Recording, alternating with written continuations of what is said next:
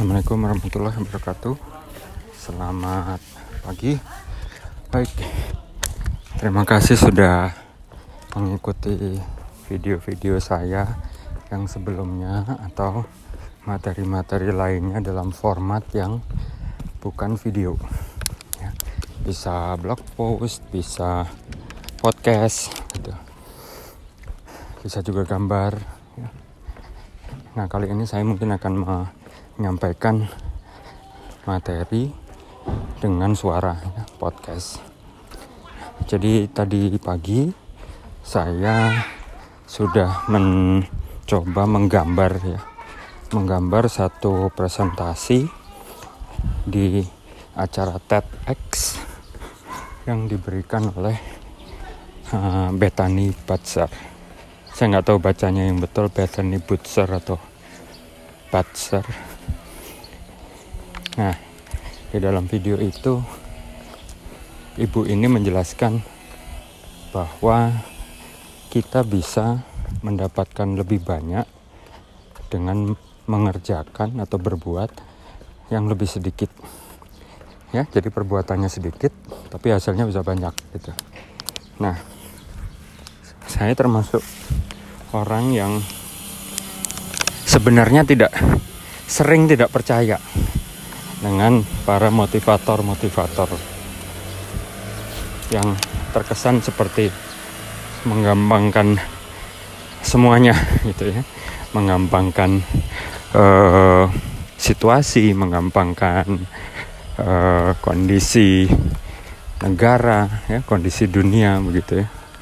Menggampangkan juga perilaku orang juga respon orang terhadap perilaku kita itu semua seperti digampangkan. Nah, setelah saya dengarkan gitu, saya bolak-balik mendengarkan mungkin ada lima kalian ya, tapi terputus-putus. Jadi maksud saya, ketika ada satu bagian yang saya miss, saya ulang. Nanti dia mundur, kemudian maju lagi. Dan ketika ada yang miss lagi, saya mundur lagi, kemudian maju lagi begitu. Nah, begitu terus sambil saya catat. Nah, ketika ternyata ketika dia bilang doing less, ya mengerjakan sedikit, itu sebenarnya dalam tanda kutip. Karena pada dasarnya effort yang dikeluarkan itu bisa saja sama dengan yang doing more sebenarnya, ya. Tapi kita sebagai orang yang berbuat, yang mengerjakan, itu tidak merasa berat, tidak merasa bahwa apa yang kita kerjakan itu membebani ya, menjadi beban. Dan juga tidak merasa bahwa yang kita kerjakan ini seolah-olah banyak sekali. Gitu. Namun hasilnya kok terasa sedikit. Gitu. Oke, nah jadi rupanya ibu ini menjelaskan bahwa yang namanya uh, effort ya. Effort upaya itu terbagi menjadi dua. Jadi dalam gambar saya itu ada effort yang sifatnya downstream ya downstream effort. Ada juga yang sifatnya upstream effort. Nah downstream effort ini karena saya orang air ya yang namanya downstream itu hilir. Jadi kalau downstream effort itu berarti upaya-upaya yang lebih ke arah hilir. Gitu. Sedangkan upstream effort adalah upaya-upaya yang lebih ke arah hulu. Ya. Jadi ada downstream, ada upstream. Nah, sekarang tergantung pikiran kita gitu ya. Nah, yang disebut doing less, achieving more, but doing less itu menurut Ibu Betani ini adalah yang uh, melalui jalur downstream effort. Ya jelas ya, namanya air pasti mengalir ke arah yang lebih rendah dari hulu ke hilir. Nah di gambar saya saya jelaskan hulunya ya gunung gitu ya hilirnya laut. Nah, itu adalah orang-orang yang akan merasa achieve more doing less. Sementara satu lagi adalah yang memilih jalur upstream effort. Ya, jadi dia mengalir ke arah gunung. Nah, seperti apa arti katanya gitu ya. Yang namanya mengalir ke arah gunung melawan gravitasi ya pasti effortnya banyak, effortnya besar gitu. Nah, sekarang presenter menghubungkan antara upstream dan downstream effort dengan authenticity ya otenti otentitas otentitas uh, originalitas ya otentit otentitas atau originalitas. Saya harus google lagi nih istilah autentik itu kan seperti asli ya misalnya seperti saya. Authenticity saya itu adalah misalnya tidak menganggap uh, apa namanya tidak menganggap jumlah citasi itu sebagai kualitas misalnya. Nah itu authenticity saya. Nah Bu Betani bilang bahwa downstream effort itu akan berkaitan dengan authenticity of uh, mission atau authenticity of goals ya. jadi tujuan hidup ya kemudian diartikan juga sebagai authenticity of succeed ya sukses authenticity of success jadi kesuksesan itu ternyata ada juga yang otentik ya. Otentik itu ya sesuai dengan kondisinya begitu ya. Sesuai dengan keinginannya sesuai dengan panggilan hatinya begitu. Itu otentik. Sukses yang otentik menurut saya beda dengan sukses yang otentik menurut orang lain gitu ya.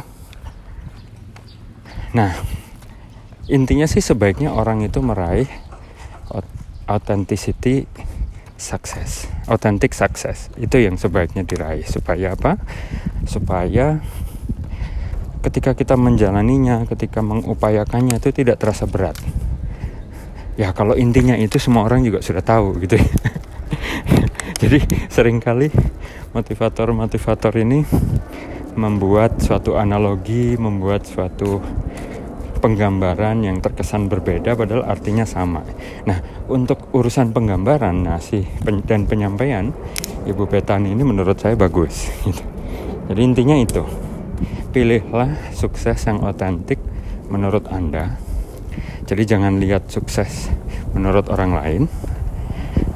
Maka dari itu Anda sengaja atau tidak akan melalui yang namanya downstream effort yang mana ketika kita melalui itu maka tercapailah itu achieving more but doing less nah sekarang pertanyaannya adalah apakah semua orang seberuntung itu.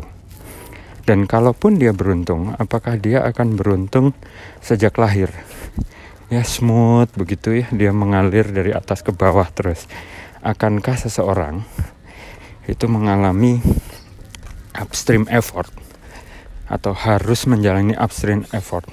Dan ternyata iya, Bu Betani ini memang bilang begitu bahwa di early career ya di awal-awal masa karir ya, karir ini bisa apa pun ya. Bisa karir bisa studi bisa macam-macam.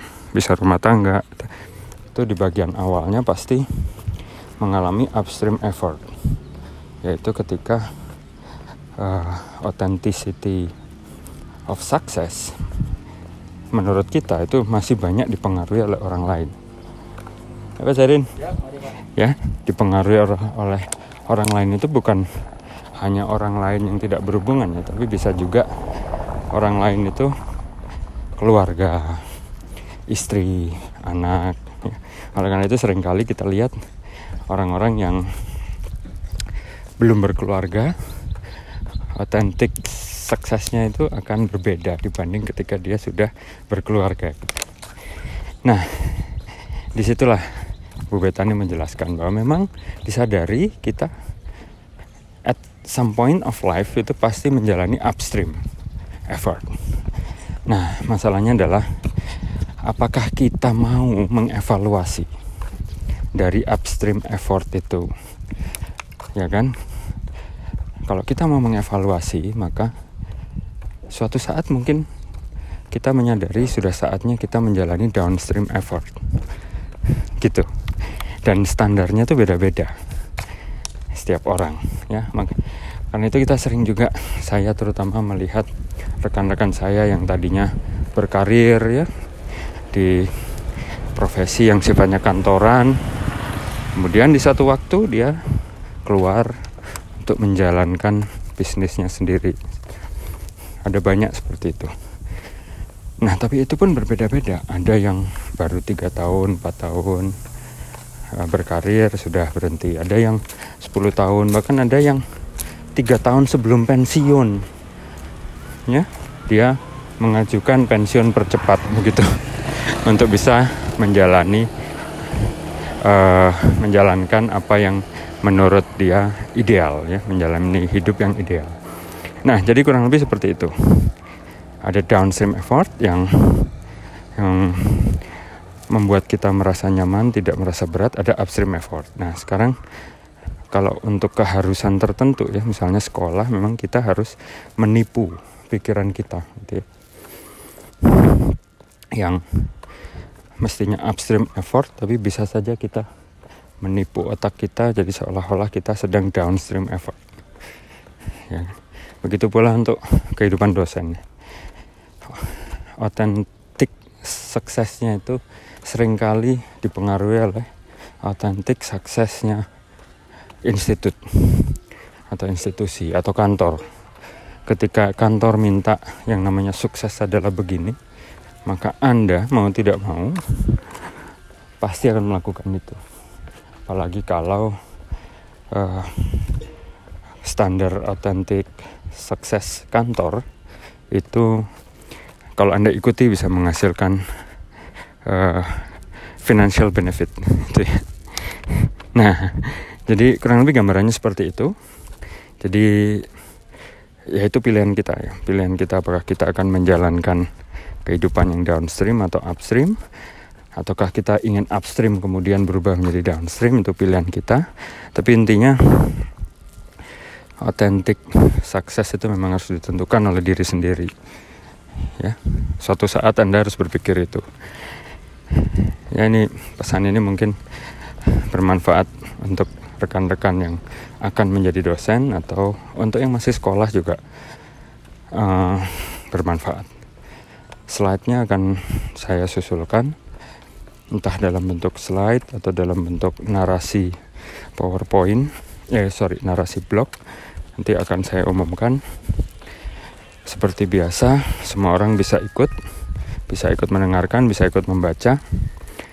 Tapi terutama untuk uh, para peserta kuliah saya, karena ternyata presentasi Bu Betani ini selain tadi ya berkaitan dengan karir, untuk mahasiswa yang akan memulai penelitian itu juga akan berpengaruh ya. Nanti akan saya bikinkan rekaman podcast sendiri jadi terkait dengan presentasi itu. Demikian, terima kasih sudah mendengarkan. Uh, tetap sehat. Semoga tujuan kita semua tercapai. Selamat pagi, assalamualaikum warahmatullahi wabarakatuh.